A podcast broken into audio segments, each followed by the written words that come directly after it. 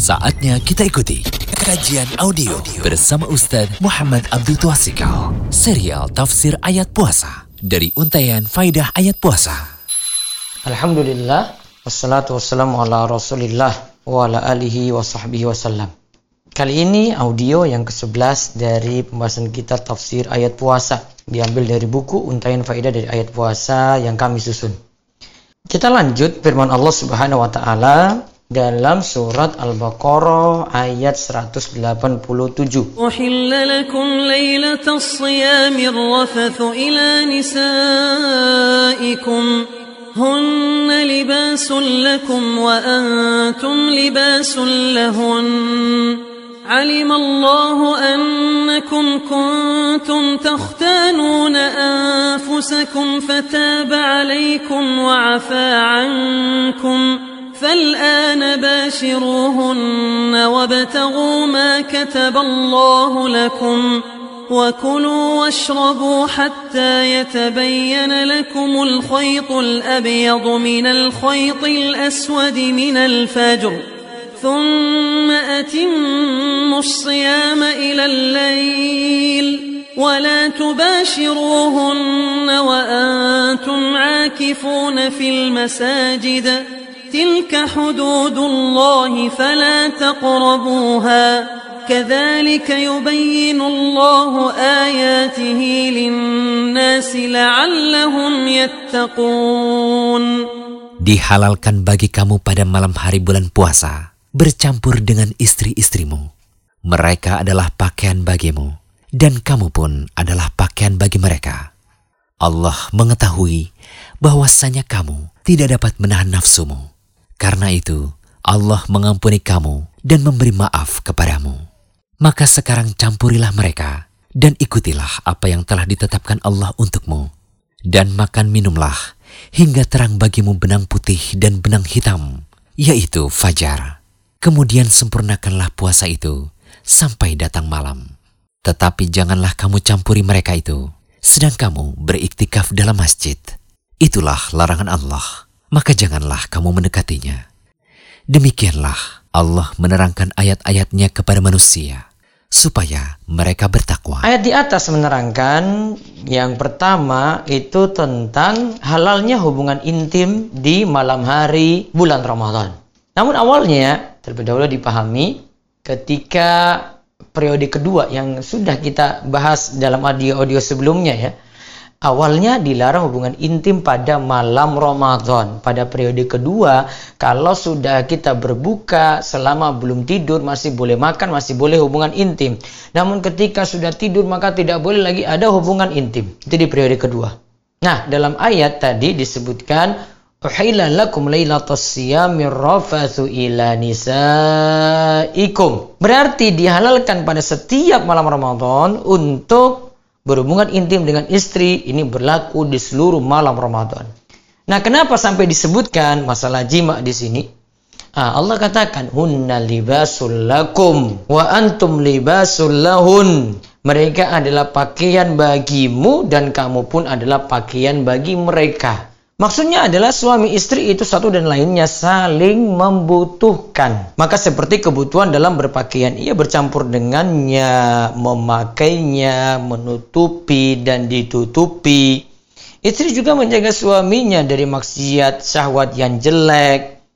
Seperti halnya pakaian bisa melindungi dari panas, dingin yang mengganggu. Nah sebenarnya ayat 187 dari Al-Baqarah ini itu ada ceritanya, ada sebab turunnya, ada asbabun nuzulnya.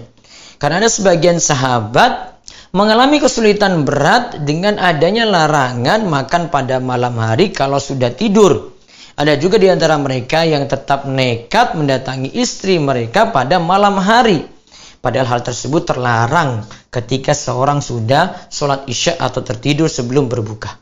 Kita sudah pernah dengar cerita ini ya tentang Qais bin Sirmah di awal ketika kita bagi puasa itu menjadi tiga periode ada cerita tentang ini dari Al Barra bin Azib ia menceritakan bahwa para sahabat Muhammad dahulu pada awal Islam jika berpuasa lantas tiba waktu berbuka jika tidur sebelum berbuka maka tidak dibolehkan makan dan pada malam tersebut. Jika tidur sebelum berbuka, artinya sudah tidur dia.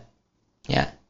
Maka tidak dibolehkan makan pada malam tersebut. Ia berpuasa hingga keesokan hari sampai sore. Nah, ada orang yang namanya Qais bin Sirma. Ia berpuasa. Ketika waktu berbuka tiba, ia mendatangi istrinya. Ia menanyakan apakah ada makanan. Istrinya jawab, tidak ada. Aku akan pergi menyiapkannya dan menyerahkan padamu. Qais bin Sirma sendiri siang hari puasa bekerja keras. Sehingga ketika ia menunggu makanan tadi, ia tertidur. Ketika itu istrinya datang lalu melihatnya tertidur. Istrinya berkata, Ya, engkau gagal makan. Keesokan harinya, pada tengah siang, Qais bin Sirma jatuh pingsan.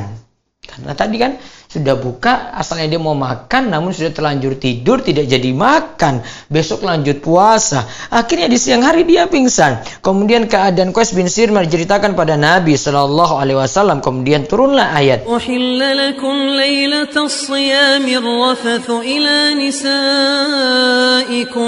Dihalalkan bagi kamu pada malam hari bulan puasa bercampur dengan istri-istrimu. Lantas para sahabat pun sangat gembira mendengar turunnya ayat tersebut. Juga turun ayat. وكلوا واشربوا حتى يتبين لكم الخيط الأبيض من الخيط الأسود من الفجر Dan makan minumlah, hingga terang bagimu benang putih dan benang hitam, yaitu fajar. Nah, di sini diriwayatkan oleh Imam Bukhari. Nah, ada riwayat menyebutkan dari Al-Barra, ia berkata ketika turun pensyariatan puasa Ramadan, mereka para sahabat tidak boleh mendekati istri mereka di seluruh hari Ramadan. Lalu ada di antara para sahabat yang diam-diam tidak bisa tahan dan mendatangi istrinya, berjima, berhubungan intim. Maka turunlah firman Allah, Alimallahu annakum kuntum takhtanuna anfusakum fataba alaikum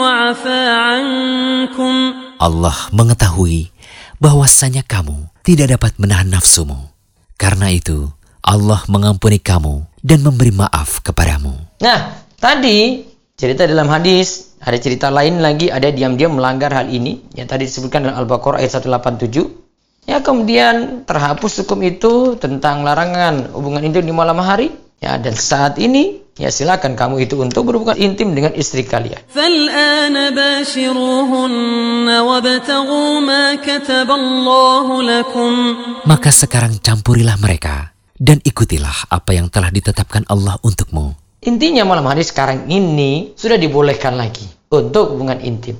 Nah, para ulama itu katakan ayat ini fal'ana bashiruhunna. Saat ini cumbulah istri kalian pada malam hari.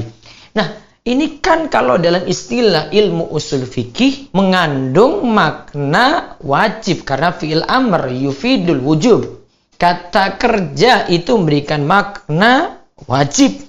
Nah, sekarang apa maksud dengan ayat itu wajib? Nah, para ulama buat kaidah yang jelas, hukum asal, al-amr, perintah itu menunjukkan wajib. Selama tidak ada yang memalingkan keluar dari ini. Jika datang kalimat amr, kalimat perintah, setelah adanya larangan. Nah, sebelumnya kan dilarang, terus datang perintah. Maka para ulama menurut pendapat yang paling kuat menyatakan, seperti gimana kata Ibnu Kasir ya, hukumnya sini ada tiga pendapat ada pendapat ketiga di sini kalimat perintah tersebut dimaknakan dengan makan sebelum dilarang. Makan sebelum dilarang gimana? Boleh. Nah jika sebelum dilarang dihukumi mubah boleh berarti dihukumi boleh juga.